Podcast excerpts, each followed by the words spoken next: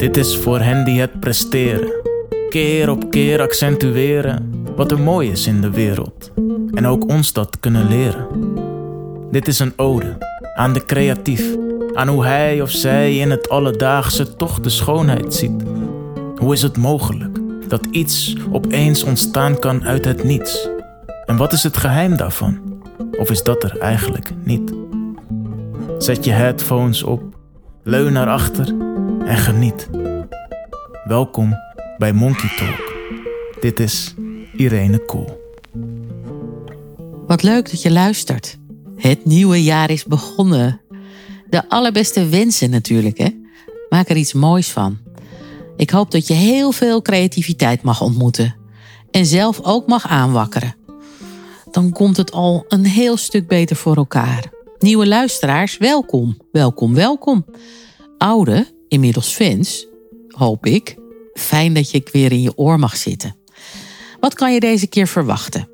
Een hele bijzondere voorraper aan de phone, natuurlijk. Een mooi gesprek over creativiteit. Behoorlijke dichte wijsheid. En in ons gesprek stapte er ook meteen een olifant in de kamer. Nou, is dat even handig. Dus die rubriek hebben we lekker praktisch samen ingevuld. Twee vliegen in één klap. Vind je Monkey Talk waardevol? Dat hoop ik natuurlijk van harte. Druk dan op volgen in je podcast-app. Dan krijg je automatisch nieuwe afleveringen. Dat is ergens rechtsboven, bij de puntjes. Moet je maar even zoeken. Schrijf nou ook meteen, als je dat ook vindt, een vlammende recensie in je podcast-app. Daar help je me echt mee, want dan komt het hoger in de lijstjes en wordt het meer verspreid. En dat willen we tenslotte, creativiteit verspreiden. Klets het door, vertel het aan anderen, herhaal het honderd keer, neem een petje af. Nou, kijk maar even in de show notes hoe dat kan.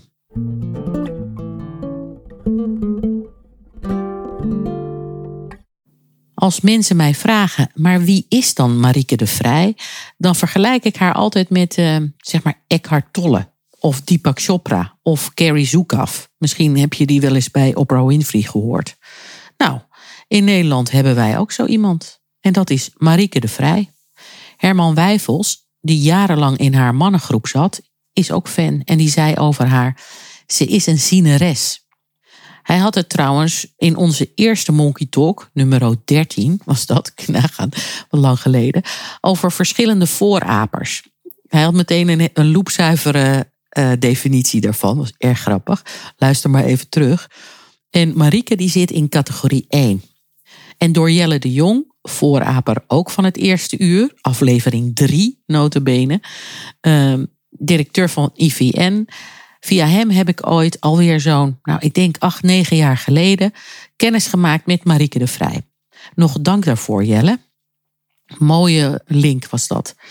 En met Herman Wijfels heeft Marieke trouwens ook een uh, middag, zelfs twee, uh, een Mare-dialoog opgenomen over leiderschap. Dus die kun je terugkijken in 2018, meen ik, en 2022. Ik zal de link even in de show notes zetten. Nou, dan heb je twee voorrapers puurzang bij elkaar die dan praten over leiderschap. En eentje ging geloof ik ook over vrouwelijk leiderschap. Nou, begint dit jaar even goed. Geven, geven, geven. Alle reden dus om een petje af te nemen hè, voor Monkey Talk, zou ik zeggen. Hint, hint. Kijk maar even in de show notes hoe dat kan. Marieke geeft veel inspiraties over maatschappelijke vernieuwing. Persoonlijk leiderschap, of het nou mannelijk of vrouwelijk is.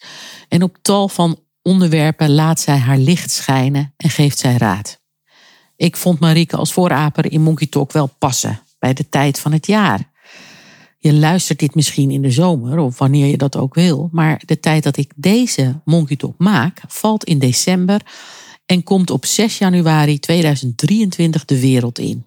En de meeste van jullie weten inmiddels, ik volg graag de seizoenen. En ik ben dus nu in een winterslaap.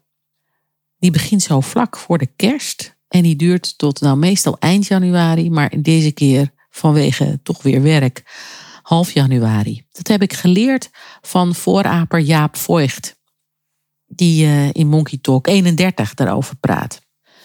Leven met de seizoenen en wat dat met je doet uh, in je energie en ook in je creativiteit. En hoe je zo je leven kan indelen. Dikke tip. Ja, het is toch de periode van bezinning, van reflectie, van stilstaan. Het Mieke Telkamp moment, zeg ik altijd. Hè? Waarheen, waarvoor. Even uitzoomen en dan weer inzoomen. Nou ja, dat is ook meteen een perfecte tijd om dan Marieke de Vrij bij jullie te introduceren. Wijze vrouw met wijze raad. Dus ga er rustig voor zitten. Misschien even tijdens een wandeling. Je moet hier wel even je kopje bij zetten en gewoon laten gebeuren. Misschien een paar keer terugluisteren ook. Doe ik ook heel vaak met haar werk. Want als je het de eerste keer niet direct verstaat, gewoon doorluisteren, dan valt het kwartje later, is mijn ervaring. Nou, kortom, graag jullie aandacht voor de eerste voorraper van 2023. Ik ben reuze blij met Marieke de Vrij als. Dames en heren, voorraper aan de phone! Nou, wat leuk Marieke, dat je in de podcast Monkey Talk wil zijn. Van harte welkom. Wat leuk.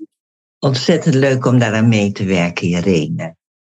Ja, wij kennen elkaar natuurlijk al een tijdje. Uh, dus we moeten even nadenken hoe we het, uh, hoe we het, het, het onderwerp creativiteit hebben we het niet misschien echt zo expliciet over gehad.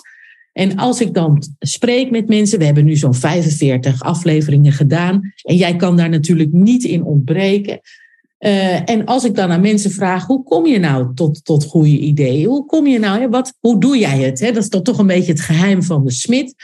En dan, en, dan, en dan zeggen heel veel mensen, ja, ja, het zit natuurlijk heel erg in ze. Maar dan heel veel zeggen, wandelen in de natuur, uh, eventjes ontspanning zoeken, eerst eventjes wat lezen over het onderwerp en dan gewoon wachten. Ja, het valt me binnen. Dat wordt dan eigenlijk gezegd.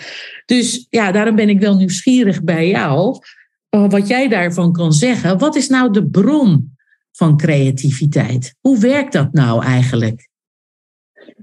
In mijn beleving heeft het heel erg te maken met een volstrekt ja zeggen tegen je eigen authenticiteit.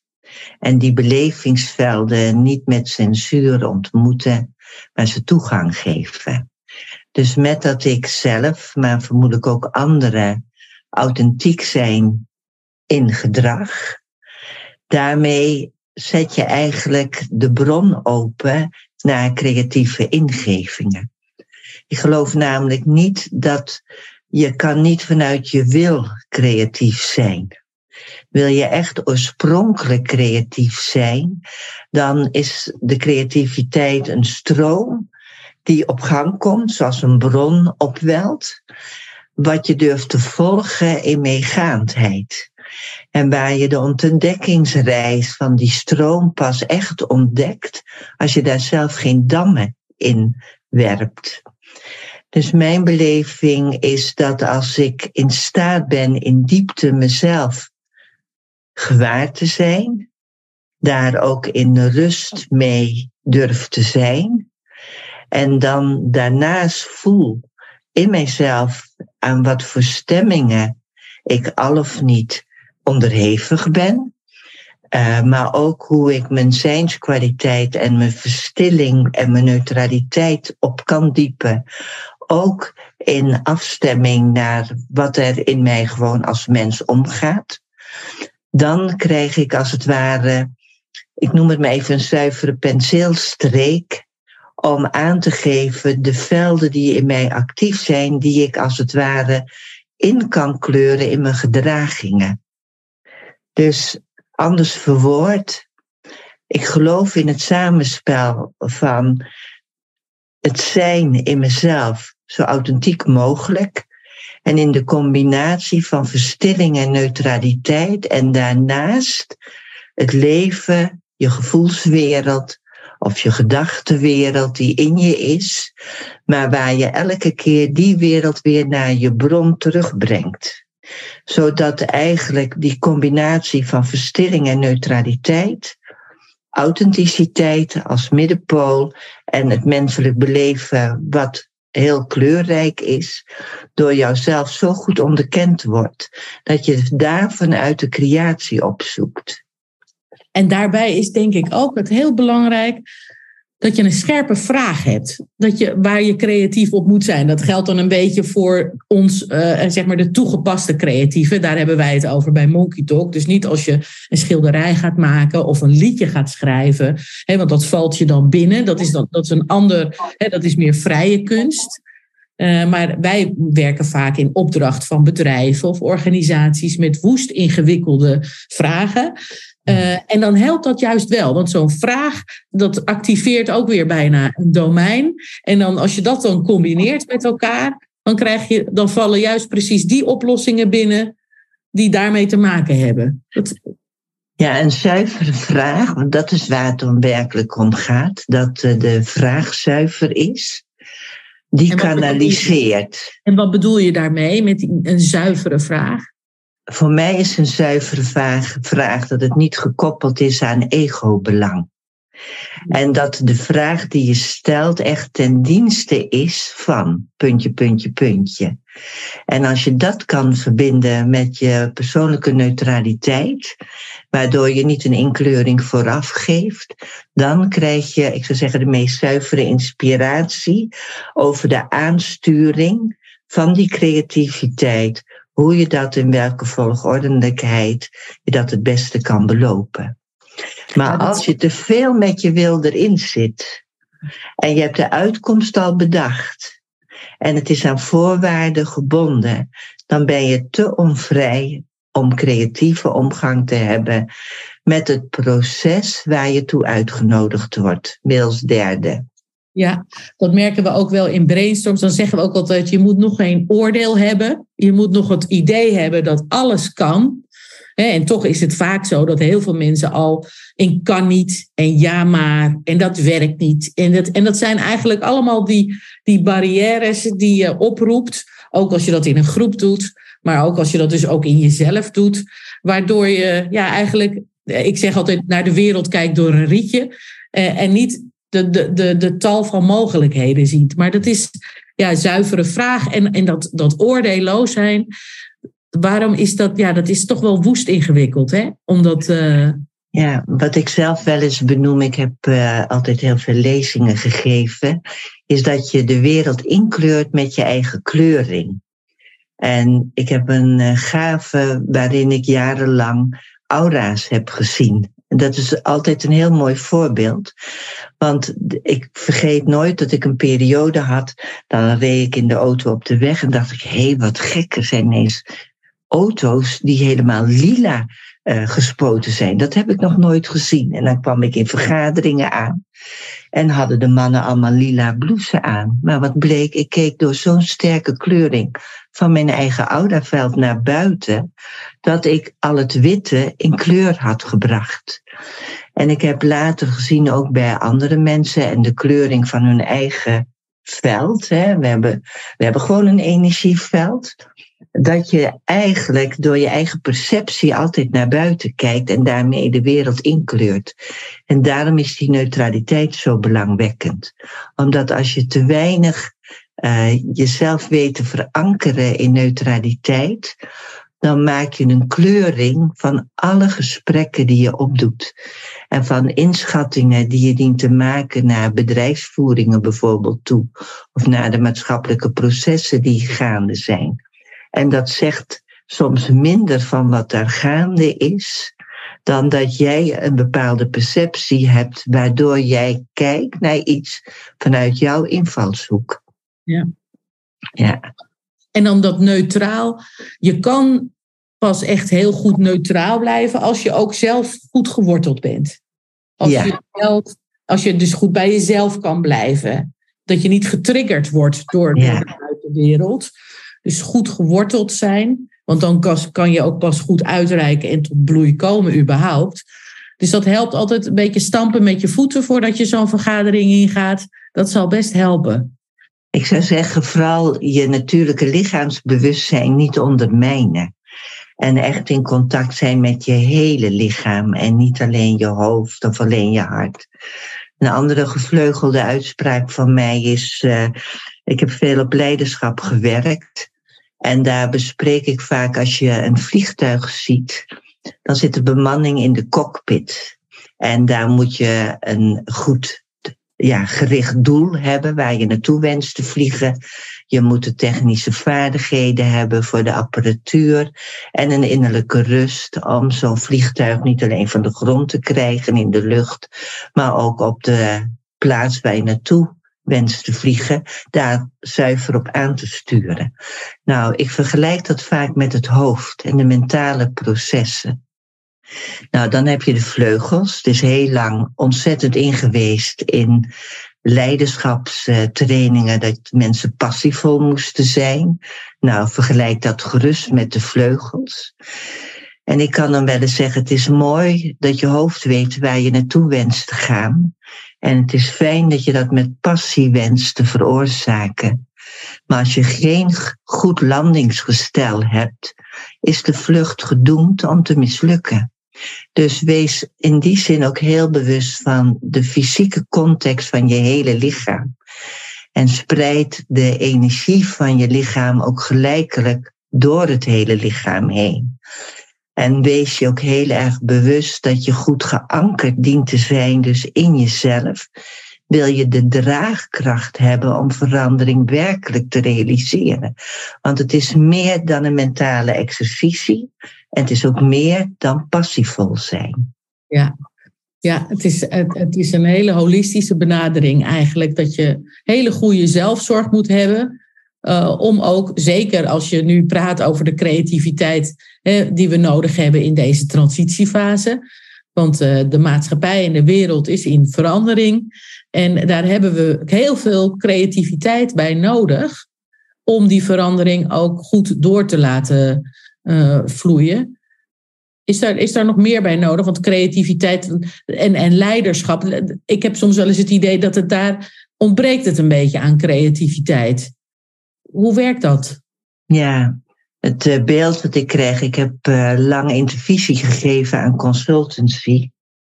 En ik was uitgenodigd op een gegeven moment te spreken in de hal voor de aanwezige grote groep consultancy. En um, ik zag een ieder gekleed in zwart, grijs, wit blouseje en de dames hadden af en toe rood aan. En toen heb ik ook gezegd hiervan, bijvoorbeeld creativiteit is wel een leuze, maar je ziet het niet terug in de kledij.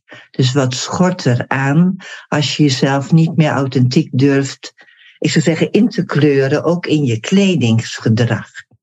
En wat mij ook opviel was dat de cretologie binnen het hele consultancywerk, ik zou zeggen, de, de, de woorden die zo gangbaar daar zijn, die hadden hun glans verloren omdat je hoorde het mensen uitspreken, terwijl ze het belevingsveld daarvan zelf niet kenden meer. En het waren, was een soort cretologie geworden. Dus ik ben altijd een enorme voorstander voor authentieke taal. Om je niet uh, te snel te linken aan vastgeroeste taal in een bepaalde bedrijfscultuur omdat je daarmee eigenlijk de glans van de oorspronkelijke woorden, die zijn haast verdwenen, omdat mensen te gemakzuchtig ze toegeëigend hebben, waardoor je eigenlijk spreekt over iets wat al kleurloos is geworden. Ja. Ja, als je je eigen taal ook daarin ontwikkelt en woorden vindt over uh, wat je doet, waarom je iets doet, waar je naartoe gaat, wat je visie is op, op, op een bepaald vakgebied. En je kan dat, je kan dat uitspreken en, en verbeelden in je eigen taal, dan uh, wordt die identiteit daarmee ook veel sterker. En, en, en, en eigenlijk, hè, dan, dan, als je volledig in jezelf woont, kun je gaan tonen wie je waarachtig bent. Dat is ook een uitspraak van jou. Dat, is, uh, dat, dat, is dan, dat heeft ook heel erg veel met taal uh, te maken. Dat stuurt natuurlijk enorm. Ja, en wat je dan ook vaak ziet, is dat mensen die echt, ik noem dat met hart en ziel verbonden zijn met wat ze doen, die praten op een gegeven moment met hun hele lichaam. Ja. Je ziet hun handen bewegen, hun hoofd beweegt. De manier waarop ze zitten of lopen is in contact, haast in letterlijke zin met de exacte woorden die ze op dat moment uitspreken. En dan zie je dat iemand door en door geworden is wat hij uitdrukt. Dat is heel... Dat het Ja. ook leuk is voor andere mensen om daarbij te werken. Dus dat het, hè, en om, om je bedrijf gelukkig te houden. Of, nou, hoe belangrijk is dat om voor de cultuur? Ja, ik denk natuurlijk dat dat heel belangrijk is. Is dat zo? Ja, dat is ontzettend belangrijk. Wanneer je niet opgedragen wordt een soort eenheidsworst uit te beelden, maar dat ieder bedrijf en iedere afdeling echt de optelsom is van de afzonderlijke individuen, zoals ze authentiek zijn, ja, dan krijg je een maximale creativiteit in je bedrijf en in de bedrijfsvoering. Dat is daar, en dan, kan- heb je inclusiviteit, dan, dan is inclusiviteit en diversiteit. Dat is gewoon bijna. Dat zijn ook weer van die cretologieën waarschijnlijk die jij bedoelt. Want dat is eigenlijk heel natuurlijk gedrag, zou dat moeten zijn. Ja, en dan kan je ook zien wat de aanvullende waarden zijn van mensen. Weet je, je kan mensen wel opdragen tot het uitoefenen van dubbele punt. Hè? Eh, maar als je mensen echt bevraagt waar hun voorliefde zit, waar ze blij van worden. Je hebt mensen die zijn ontzettend gelukkig als ze met exacte cijfers kunnen werken. Anderen worden er totaal onrustig onder en willen juist dat werk mijden. Want die voelen zich op eh, gloeien wanneer ze tot iets anders uitgenodigd worden. En als er in onderling overleg daarover gesproken wordt, dan zie je vaak een soort verschuiving van taken ontstaan. En dan gaat ook een afdeling meer bloeien. Omdat er, er is een grotere verkenningsslag naar elkaar. En de zaken die een ieder moeilijk vindt, daar is er ook een betere verdeling op aan te brengen. Ja. ja. Dit is een hele belangrijke vraag ook, dat leiders dat ook vragen. Hè? Hoe krijg ik meer creativiteit en oplossingsgerichtheid en vindingrijkheid daarmee? Hè? Dat is een gevolg daarvan ook. Uh, hoe krijg ik dat in de organisatie? En dat vergt dus ook van leiders een, een, ja, meer een faciliterend, bijna hè, een, bezielende, een bezielende uitgangspunt, grondhouding.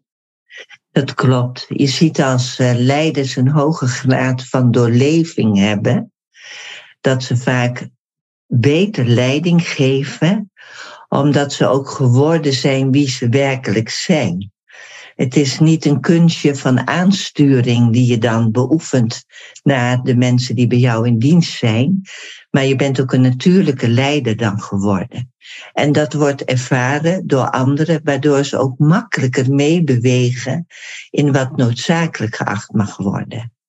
Terwijl als je iets doet omdat je het goed in je hoofd hebt voorbereid, maar je hart is onvoldoende daarin aanwezig en je bent niet uit één stuk, zoals ik dan het vliegtuig net beschreef als symbool, dan is het ook heel moeilijk als je anderen aanspreekt om daar helemaal betrokken in mee te gaan. Mijn ervaring is als je van, ik noem het maar, van kruin tot tenen aanwezig bent in je boodschap, dan wordt je boodschap ook van kruin tot teen verstaan bij de ander. Maar als je communiceert vanuit je hoofd, pakt een ander het alleen vanuit zijn hoofd op, voor zover het hoofd op dat moment ook voldoende wakker en alert is. Uh, en zo geldt het voor alle gebieden in het lichaam. Je hebt mensen die kunnen heel goed vanuit de buik communiceren, waardoor ze heel anders binnenkomen bij degene die ze aanspreken dan mensen die mentaal communiceren. Maar het mooiste is als je gelijk uh, matig kan communiceren vanuit je hele lichaam. Ja. Maar ja, hoe, hoe doe je dat? Hè? Dat is natuurlijk. Uh... Nou, ik weet, jij hebt in jouw podcast Jelle de Jong bijvoorbeeld ook uitgenodigd. Ik ken hem al lang en persoonlijk. Hij oefent dat. En hij doet het ook wel eens gekscherend in groepjes. Dan zegt hij, nou, nu ga ik uit mijn hoofd jullie iets vertellen. En dan doet hij dat. En dan zegt hij, nu ga ik vanuit mijn hoofd, vanuit het hart, het jullie vertellen, luister maar wat er gebeurt. En nu ga ik het vertellen vanuit mijn hele lichaam. Ja, hij is in de tijd door mij op geattendeerd en is echt een van de mensen die het heel erg beoefent. Ja, dat is leuk om hem daar nog eens op te bevragen, hoe hij dat, uh, hoe hij dat doet. Dat hoor je waarschijnlijk ook wel als je leiders over de wereld spreekt, zo'n Obama bijvoorbeeld, hè, dat, het, dat het daarom dan zo aankomt. Dat hè, mensen zeggen, oh, prachtige speech, en wat kan hij dat? En dat je het helemaal, dat je bijna, nou ja, dat je echt het helemaal, je voelt het helemaal in je hele lijf, dat je hem wil volgen, zeg maar. Uh, die spreekt waarschijnlijk ook vanuit zijn hele lichaam. Die heeft het helemaal doorleefd. En dan zie je ook dat leiders die persoonlijk hun processen goed doorleefd en verwerkt hebben. En ook de mensen die veel meegemaakt hebben en daar goed doorheen gekomen zijn, die zijn ook bij voorbaat al beter in staat om natuurlijke leiders te zijn. En wat je vaak ziet is dat mensen aangeleerd leiderschap beoefenen. En dat, uh, dat aangeleerde leiderschap dat is, ja, voor de buitenkant ziet het er aardig uit. Maar als je te weinig levenservaring hebt en je hebt je eigen processen niet goed op een rijtje en je woont onvoldoende in je fysieke lichaam, ja, symbolisch, en je spreekt na wat anderen zeggen in plaats van vanuit jezelf, ja, dan ben je wel officiële leider, omdat je in een functie zit en daarvoor aangesteld bent. Maar daarmee heb je nog niet het natuurlijke leiderschap verworven. Nou, en daarmee kom ik ook op het, op het onderwerp. Je dient ook niet te spreken over, maar vanuit. Ja. En dan dien je jezelf daarmee ook te onderwijzen dat je pas gaat spreken als je de taal eigen bent en de ervaring eigen bent van wat je deelt met die ander. Ja, dat betekent niet altijd dat het per definitie oudere mensen zijn of zo. Het kan, kan juist ook een hele jonge, uh, zo'n Greta Thunberg bijvoorbeeld, die echt ja. penen uh, uh, praat. Ja ook al een soort natuurlijk leiderschap in zich. Dat klopt. Gisteren zag ik een programma van een vrouw. Die had op haar 28ste al een heel kinderthuis in Nepal en had 50 kinderen zelf geadopteerd. Vanaf haar 18e. En ze zei ook, ja, ik voel me veel ouder als mijn leeftijd. Maar die is zo bewust uh, bezig geweest met haar ervaringsrijk uit te breiden heeft er met haar hart en ook de praktische inzet zo'n groot uh, iets daar weten te creëren en mensen daarin weten te beroeren, waardoor er ook sponsoring, et cetera, kwam. Ja, dat zijn mensen, dat zijn hele jonge leiders, maar vanuit ervaringsgerichtheid. Ja.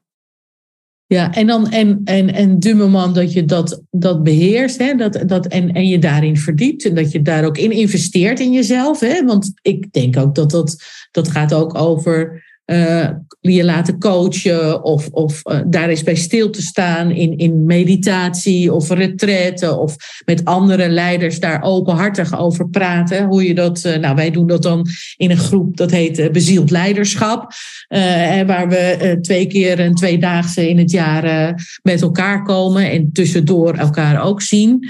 Om daar gewoon open en eerlijk met elkaar te delen, zodat we daarin groeien en dat we ook eh, want dat is een oefening natuurlijk. Dat is niet iets altijd wat je meteen 1, 2, 3. Het leven geeft je nu eenmaal allerlei dingen op het bordje. En daar moet je af en toe eens even over knagen. En uh, dan is dat fijn als je dat ook met elkaar kan doen. Als je put uit de bron van je eigen creativiteit en je oefent in jezelf om daaraan mee te geven, als het ware daarin mee te stromen, dan weet je natuurlijk nog niet waar je naartoe stroomt uiteindelijk. En dat is belangrijk, omdat iemand die echt kan stromen, moet durven te drijven, symbolisch ook op water. En je moet je hoofd ontspannen houden en je lichaam ook krampvrij, dus zonder angsten. Dus wanneer je creativiteit uitnodigt in jezelf of bij anderen, dan verdient het ook een klimaat waarin ontspanning opgeroepen wordt, in plaats van opeisendheid.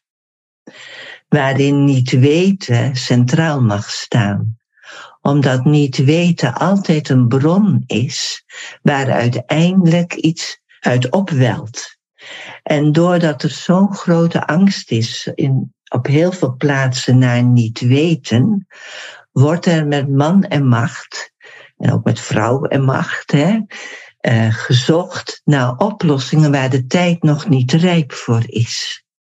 En daar heb ik ook vaak zorg om, omdat ik heb natuurlijk veel op leiderschap gewerkt en veel groepen op dat gebied ook begeleid. En veel consultancy ook ontmoet en uh, mensen op hoogstaande posities. Maar de onmacht van niet weten is een snerpende, pijnlijke aangelegenheid in mensen. En dan zie ik ook altijd de vraag naar mij toe komen van hoe moet ik hier nu mee overweg gaan? Hoe kunnen we dit oplossen? Kan jij zien wat de richting is en hoe zou ik me dan moeten bewegen? En ik zie eigenlijk niet weten ook als een creatief proces. Ik vergelijk het vaak met een zwangerschap. Voorheen was het zo dat als je als vrouw zwanger was, of als uh, man aankomend de vader, dat je beide niet wist of het om een jongen of een meisje ging, of het kindje gezond zou zijn, of het talenten in zich zou herbergen, of het mentaal capabel was, of uh, andere aangeboren kwaliteiten uh, met zich mee zou brengen. Het was een open vraag. Je was negen maanden in afwachting. En dan kwam het kindje en dan was het kindje weliswaar geboren.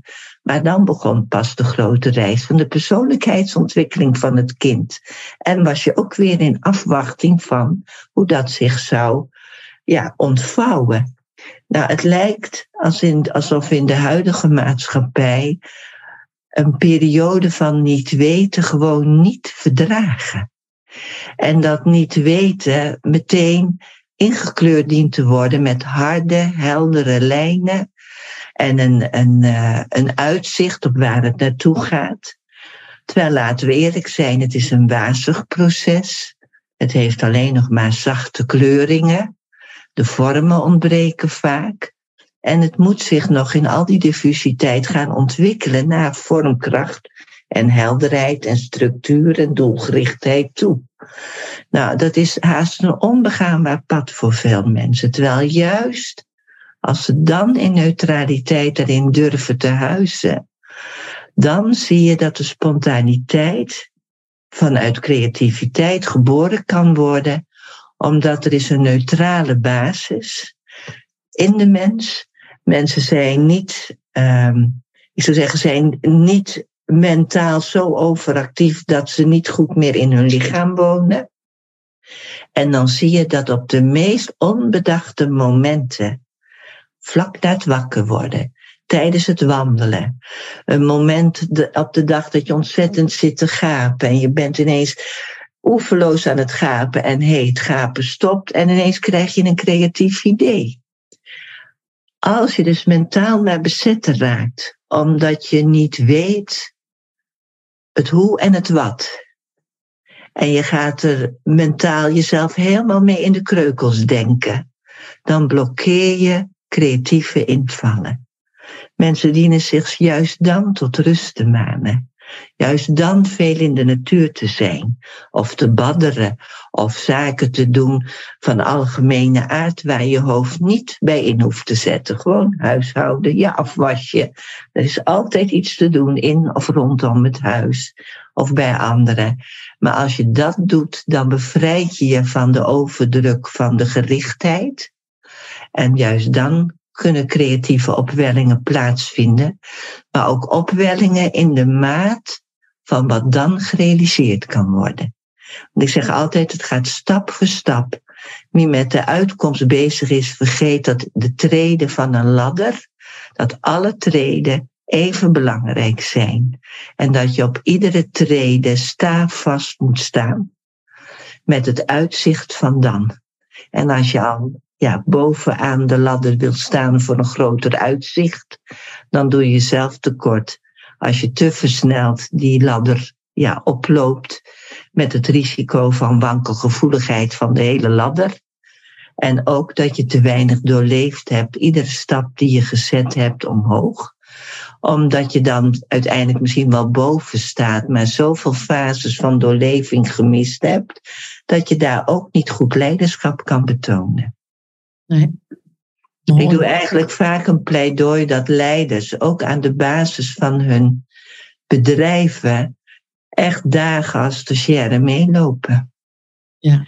Echte mensen leren kennen in hun eigen professionaliteit al daar. Wat het ze vraagt, hoeveel druk het geeft, uh, hoe het wel of niet het gehalte van plezier is. Uh, hoe mensen soms oververzadigd zijn van gedragingen die een sleur geworden zijn, waardoor het werkplezier ontbreekt. Als je leiding geeft, moet je ook weet hebben van de verrichtingen van anderen. Ja.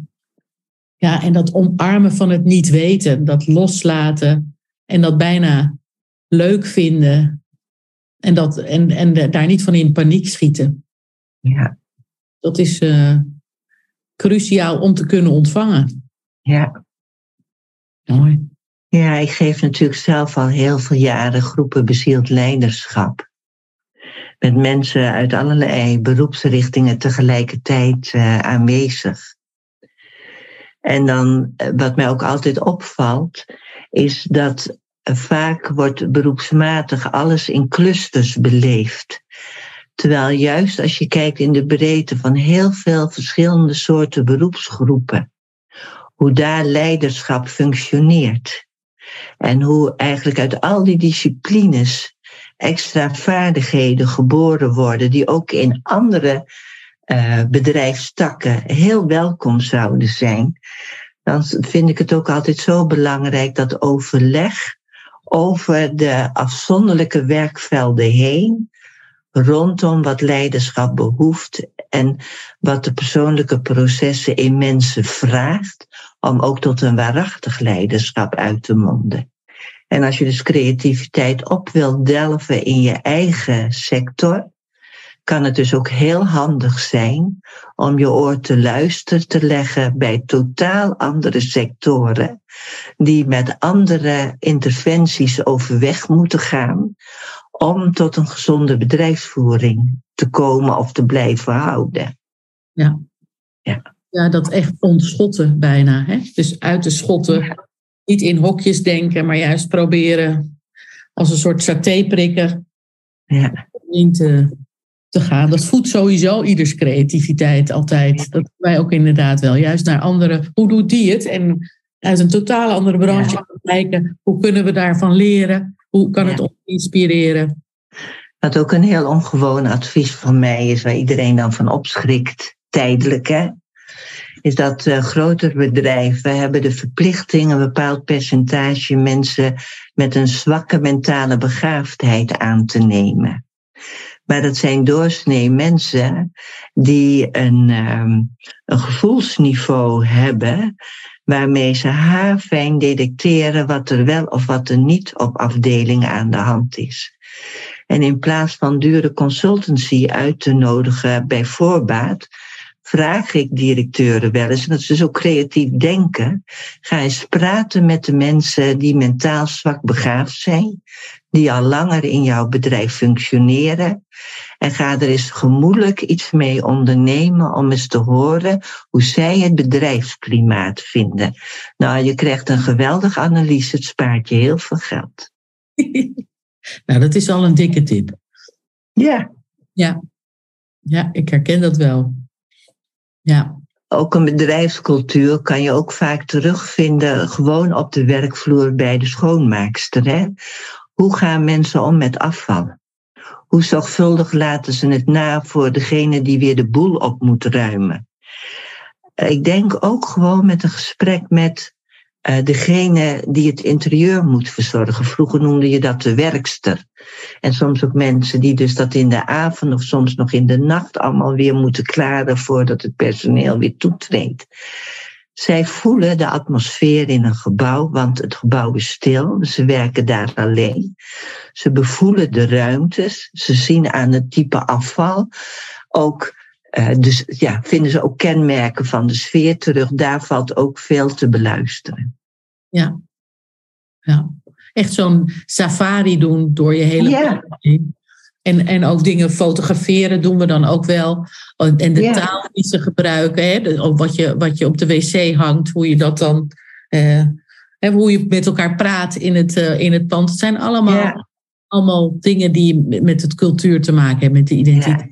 Dan kan je op een hele creatieve manier kan je dat dan duiden en kan je zien wat eh, past dat een beetje Ja. bij, bij eh, de echte identiteit en wat de bedoeling is, natuurlijk. Waar ik ineens wakker op word, omdat jij zei ook van, nou, eh, ook zelfs tot op de toiletten hè, kan je het zien.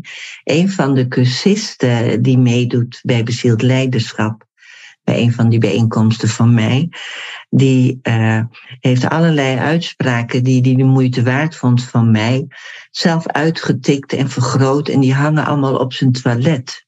Gewoon privé thuis Scheurkalender. een soort scheurkalender. Maar eigenlijk om te onthouden waar hij zich in wil scholen en wil specificeren. En ik kan me voorstellen, ook een vorm van creativiteit is dat je met een groep mensen bezig bent in een bepaalde werksoort. Van wat is ons oefenproces? Waar staan we mee uit? Wat zijn nou de dingen die ons zwaar vallen? Wat steunt ons hierin?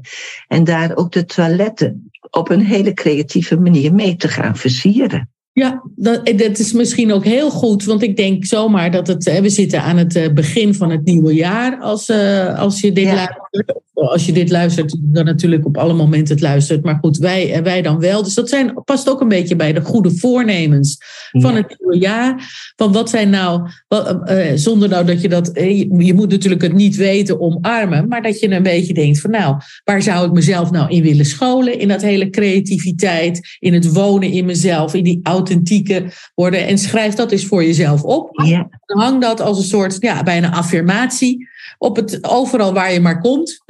Met, eh, ja. Dat je het niet vergeet. Op de spiegel doe ik het ook vaak in de Ja. badkamer. Om En het is leuk. Dat kan je heel speels doen ook. Ja. Nog een ander idee wat ik aan wil brengen.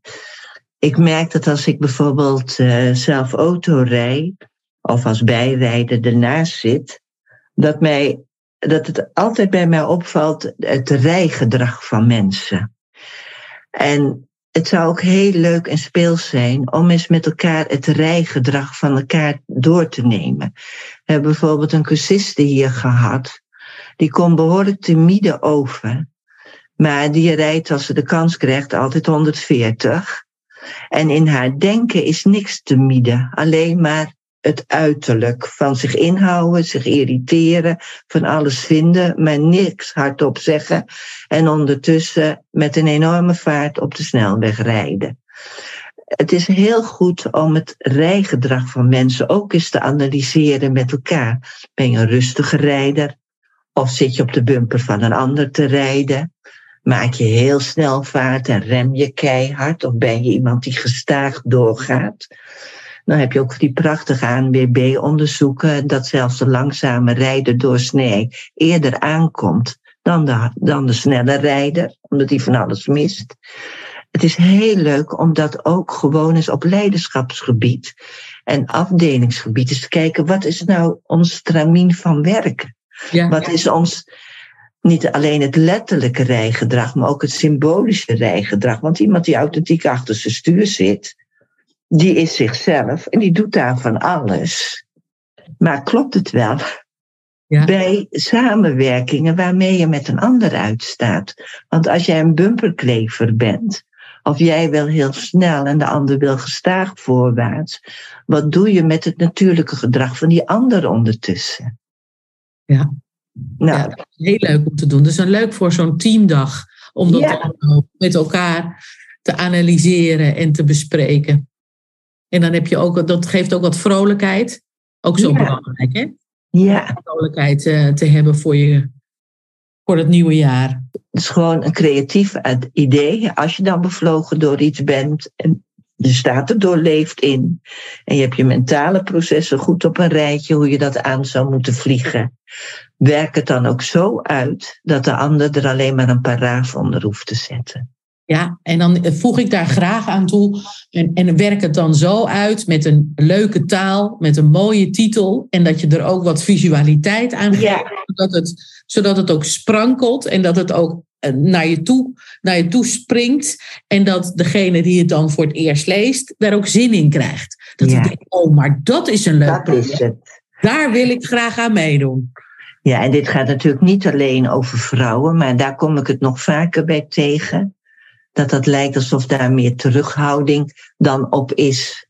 Hè? Om, om daar sneller mee aan de gang te gaan. Maar het geldt dus ook voor mannen. Ja. En waar het eigenlijk om gaat, is dat vooral projecten met een grote bevlogenheid, omdat het een menswaardig project is, waar eh, ook veel van afhangt. Op, eh, ik zou zeggen, vanuit de gevoelswereld van mensen die aan kunnen haken bij zo'n project als dat gerealiseerd is. Dan is het met name ook heel belangrijk om dat heel goed uitgewerkt ter tafel te brengen. Nou, dat is een mooie nieuwe, Ja. een mooie dikke tip voor het nieuwe jaar. Als we dit nou komend jaar eens allemaal gaan doen met een paar projecten, door dat eh, kant en klaar te maken met, met, met een vleug van goede creativiteit erbij, met mooie taal, mooie visualiteit en enthousiasme, want dan zit die energie er ook in. En dan, dan, dan heb je een grotere kans dat het, eh, dat het doorgaat. Eh, en dat is ook, eh, ja, dat is toch ook belangrijk in deze tijd. Ook voor dit jaar zal ik maar door moeten gaan met Monkey Talk. Denk je ook niet, eh, Marieke, dat dat toch wel handig is? Ik denk dat het heel zinvol is. Omdat wanneer je creativiteit op deze manier extra aan kan wakkeren vanuit verschillende invalshoeken en verschillende werkterreinen, dan kunnen mensen al beluisteren daarna zichzelf ook weer herijken. Van hoe sta ik erin? Heb ik er wat aan? Misschien deelt iemand iets waar je ook in je eigen creativiteit dat wel eens uit wilt proberen. En wie weet waar het je brengt. Dus Ja. mijn adviezen zijn, ga gewoon door, Irene. Oké, nou dat zal ik doen. Dankjewel Marieke voor dit leuke gesprek. Dank je wel, hè, meis. Ja, Dag. dag. Nou, dag, voorrapen aan de phone.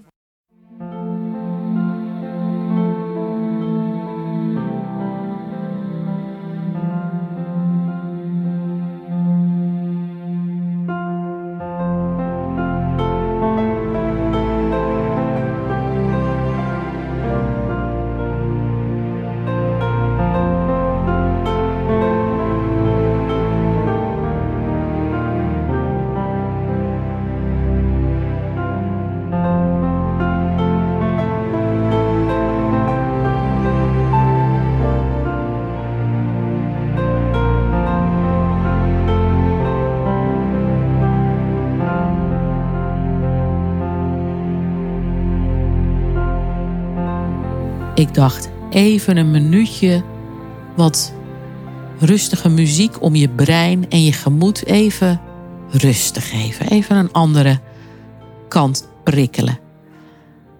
Voor mij kon 2023 niet beter beginnen dan met deze wijsheid van Marieke. Nogmaals, dank Marieke. Ik hoop dat ons gesprek je aangewakkerd heeft, weer nieuwe inzichten heeft gebracht. Ik ga er wel van uit dat je fris en fruitig aan de start bent verschenen bij het luisteren. Want ik kan me voorstellen, dat is altijd even nodig om deze wijze woorden goed naar binnen te lepelen, zeg maar. Gelukkig kun je terugluisteren. Misschien ook af en toe even stopzetten om de woorden te laten bezinken. Je hersentjes en je hart er een beetje omheen te weten te vouwen. Zeg maar doorleven. En dat is zo fijn, hè? want het kan ook bij zo'n podcast. Gewoon even op stop drukken. Marika houdt van authentieke taal. En dat hoor je dan ook. Dus daar moet je je ook even toe weten te verhouden. Nou ja, het samenvatten van al die wijsheid is natuurlijk ondoenlijk. Maar ik probeer toch eventjes wat mij zo al opviel. Als je authentiek bent, zet je jouw eigen originele, oorspronkelijke bron open naar creativiteit. Wat mij weer zo duidelijk werd na ons gesprek, daarom ook verwerkt in de titel, hoe belangrijk authenticiteit is. Bij echt goede kwalitatieve vindingrijkheid en creativiteit. Marieke geeft aan dat er meerdere zaken actief zijn hè, bij die creativiteit. Je hebt enerzijds die eigen creativiteit en jezelf daarin ook kennen en accepteren. Eerdere voorrapers begonnen hier ook over. Creativiteit is het vermogen om verschillende verbanden te leggen. Mooi om te horen hoe zij die verschillende verbanden uh, weer op een andere manier verwoordt. Je hebt je eigen authentieke zelf, zeg maar de poot waarop je rust, zegt uh, zij ze. Waar je aan moet durven over te geven. Laat je meegaan in die stroom. Zo ontstaat in feite jouw eigen creatieve ruggengraat. Zoals besproken in de allereerste Monkey Talk met Paul Turken. Vervolgens ook het persoonlijk leiderschap dat je toont als je bewust kiest om je leven vanuit die creativiteit aan te pakken. Dus dat is het veld, zeg maar, authenticiteit. En daarnaast heb je dan alle inspiratie, ervaring en kennis die komt van de buitenwereld. Veld 2, zeg maar. Liefst 360 graden vermogen om te zien wat er speelt in de wereld. En vervolgens, veld 3, hoe je daar oordeelloos en neutraal mee kan spelen. Dat vermogen, dat je dat hebt. Eigenlijk zijn het drie bollen, drie velden, je neemt. Je kan er alweer een modelletje van maken. Dat zegt weer mijn, eh, mijn blauwe brein. Niet doen. Zo in het nieuwe jaar kan je wel eventjes gaan mijmeren over hoe, hoe zijn die drie velden bij jou vertegenwoordigd? Heb je ze in het snotje? Weet je hoe het bij jou werkt? Welke is bovengemiddeld geactiveerd? Kun je ermee spelen? En als je die drie bollen dus bij elkaar hebt en ermee weet te spelen, nou, dan zit je wel, eh, dan ben je goed bezig hoor. Dan, eh, dan, dan voel je waarschijnlijk die creativiteit komen. Maar vergt dus wel ja, dat durven te gaan eh, staan. Authenticiteit is dan wel heel belangrijk. Ook deze kwam weer voorbij. Wat is eigenlijk de vraag waar je creatief en vindingrijk en oplossingsgericht op moet zijn? En hoe belangrijk het is dat je de juiste vraag stelt. De vraag die je formuleert om de creativiteit zo te stimuleren, die moet echt zuiver zijn, zei je. Gebruikt het woord zuiver. Een vraag dus die niet gekoppeld is aan ego-belang. Daar moest ik wel om grinniken, zei Marieke. Want daar hebben veel mensen natuurlijk last van, hè? En volgens mij is dat ook wel goed. Maar ja, ook belangrijk dat je dat herkent en erkent. En hoe probeer je dan een vraag te formuleren die dus daar een beetje weg van gaat en veel meer in dienst van de ontwikkeling gaat staan? Dikke tip daarbij. Begin de vraag met hoe kun je en dan pupper de pupper de pup invullen wat je, wat je moet ontwikkelen. Dat is een uitnodiging aan je creatieve bron. De metafoor van het vliegtuig om leiderschap te duiden, vond ik ook een mooie, was lekker duidelijk met de cockpit, het hoofd en de mentale processen, de vleugels, de passie. En tot slot, en dat was dus cruciaal, dat je dat dus niet wordt vaak vergeten, een goed landingsgestel. Het belang van gronding en dat je wel op aarde moet komen en dat je wel moet manifesteren. Daar heb je dus ook zowel die mannelijke als die vrouwelijke leiderschap op nodig. Belang van taal en dat dit ook authentiek moet zijn, hebben we het ook over gehad. Waarachter, hoe het ook lekker is als je je eigen taal hebt. Dat dat belangrijk is voor een sterke identiteit en het bouwen van creatieve cultuur. Nou, hebben we het ook een aantal malen over gehad in, uh, in Monkey Talk. Ik denk ook meteen aan uh, de, de, Monkey Talks met Barbara Tammes en met Joep Luiks. Dus het is zo leuk om dan terug te kijken. Dat je ineens denkt, oh ja, dit heeft weer met, met wat zij toen uh, zei te maken. Als je daarbij als leider communiceert van kruin tot teen. Vind ik ook heel mooi. Dan wordt het ook verstaan van kruin tot teen. En dan ook dus makkelijker naar binnen gelepeld en doorleefd. Dikke tip dus. Daniel Kahneman zou zeggen: systeem 1 en systeem 2 doen helemaal mee. Dus op al die niveaus verhalen vertellen. Weer verhalen vertellen, hadden we het de vorige keer ook over. Dus leuk voor het nieuwe jaar. In hoeverre communiceer jij en het bedrijf of de organisatie of in je werk overal van kruin tot teen? En hoe doe je dat dan? We hadden het dus over leiderschap en authentiek leiderschap. Hoe cruciaal dat is voor een eh, vindingrijke cultuur hoe moeilijk het is om iets niet te weten. En daar ook voor open te staan. Hoe ga jij om met niet weten? Word je daar onrustig van? Is het ook niet een hele mooie kwaliteit om te hebben, zeker in deze tijd? Goed voornemen ook weer. Het lekker vinden om iets niet te weten. Zalig. En dat dan ook uit te spreken naar elkaar. Ik zou het niet weten. Maar ik ben wel nieuwsgierig naar uh, hoe we daar dan achter komen. Zet je zo open in je hoofd als je de vrijheid voelt om dat te kunnen zeggen. En ja, had ze ook nog dikke tip. Stiekem meelopen in je eigen bedrijf. Ik vind het programma Undercover Bos ook altijd erg leuk.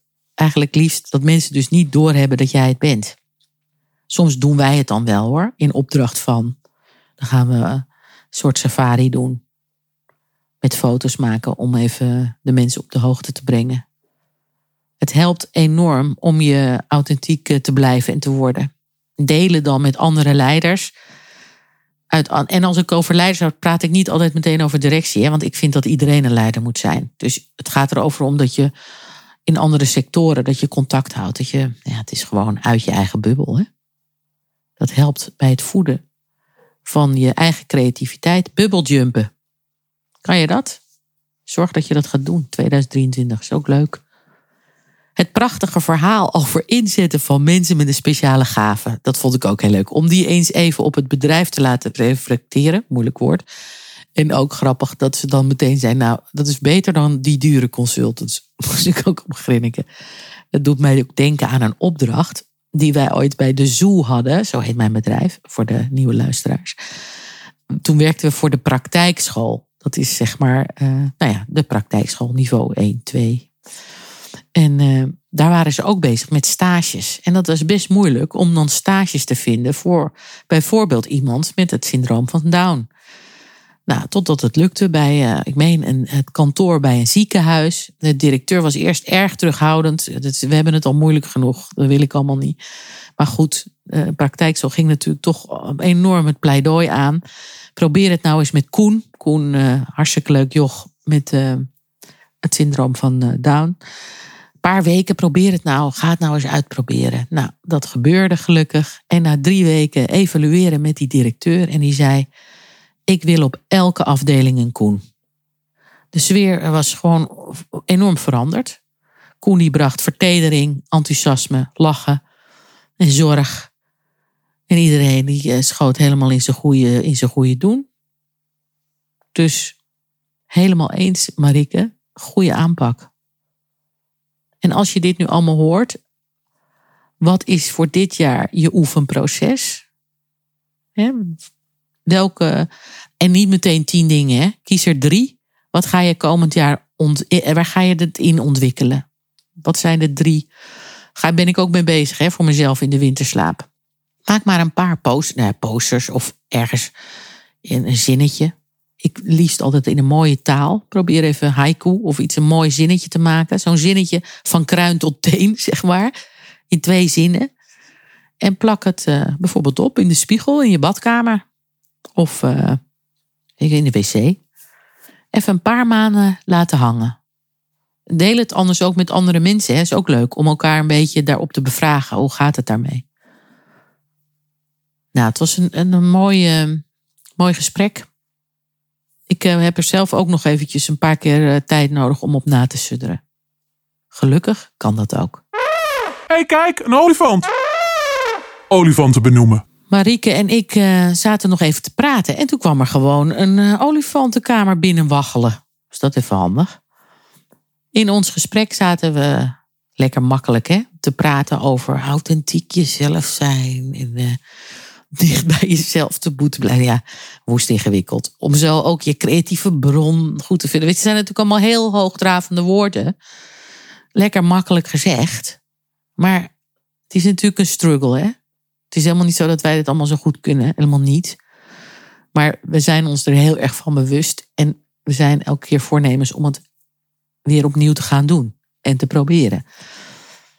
Dus ik vroeg wel even door bij Marieke: van, heb je niet nog een dikke tip hierover hoe je dat nou even concreet doet? Blijkt nou, heeft ze gewoon een oefening voor. Die ik trouwens ook al jaren gebruik.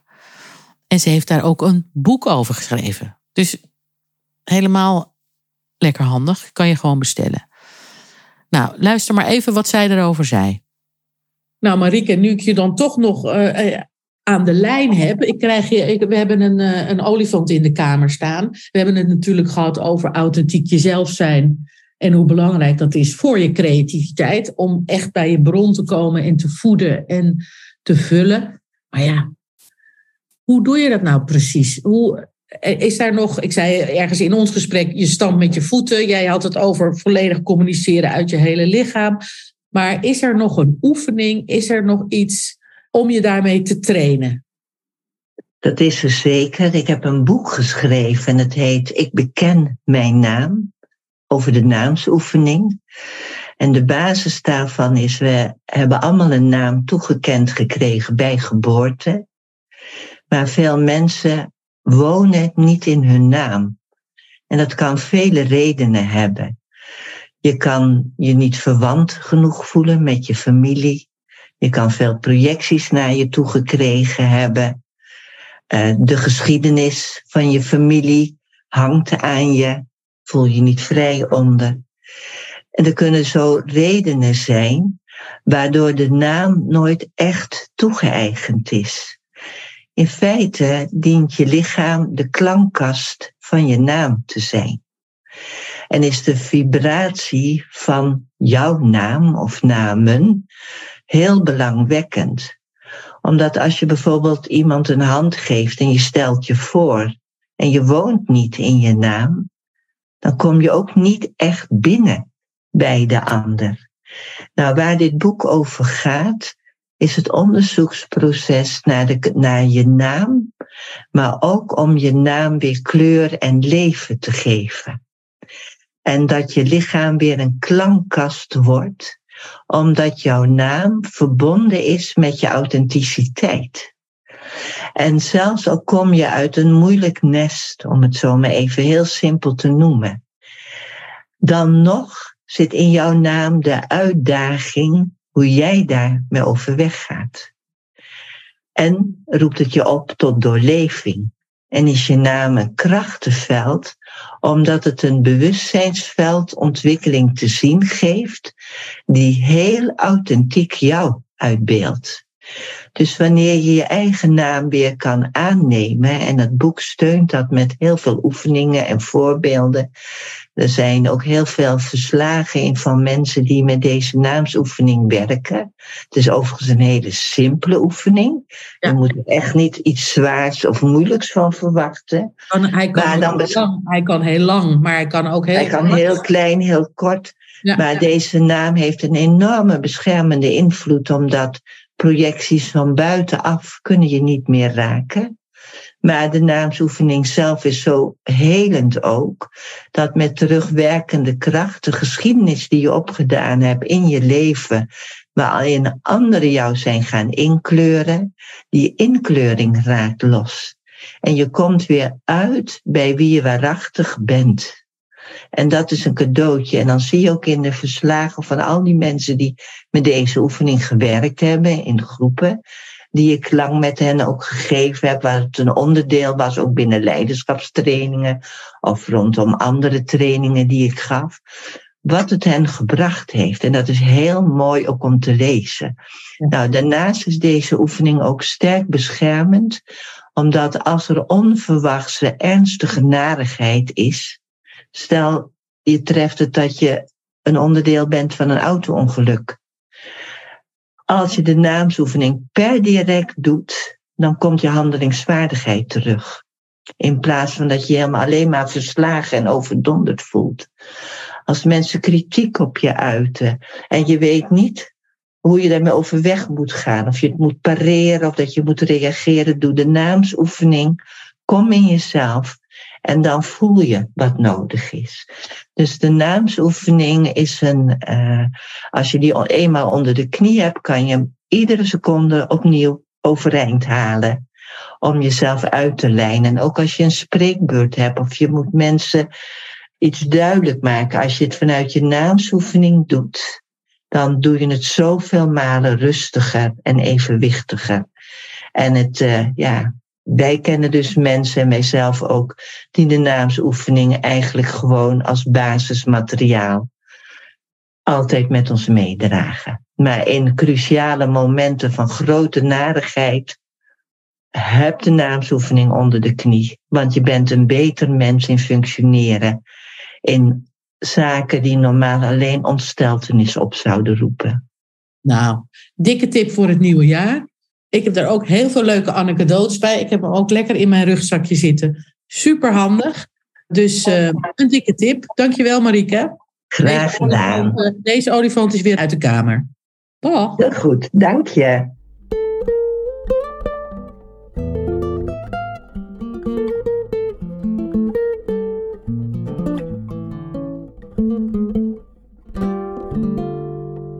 Zo, nou, de wijsheid-dichtheid van deze eerste Monkey Talk is best hoog. Als eerste zo van het jaar 2023. En dat is het leuke, elke Monkey Talk heeft weer een andere vooraper. Die trouwens allemaal behoorlijk wonen in zichzelf.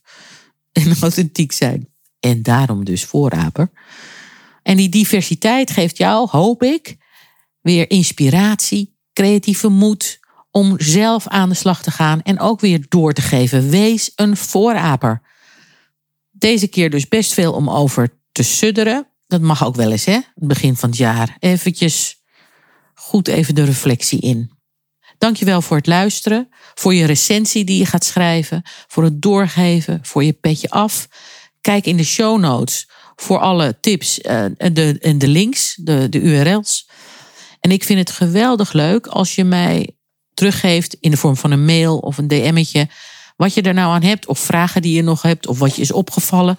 Dat is uh, de anekdotes. Dat is heel fijn om dan af en toe wat terug te horen. Dus dank daarvoor. Tot de volgende Monkey Talk. Dobbe vond het ook. Die gaf even een klein blafje. Helemaal niet erg. Tot de volgende Monkey Talk, hè? Ga jij hier ondertussen mee aan de slag? Dan kom ik uit mijn winterslaap. Dag, dag.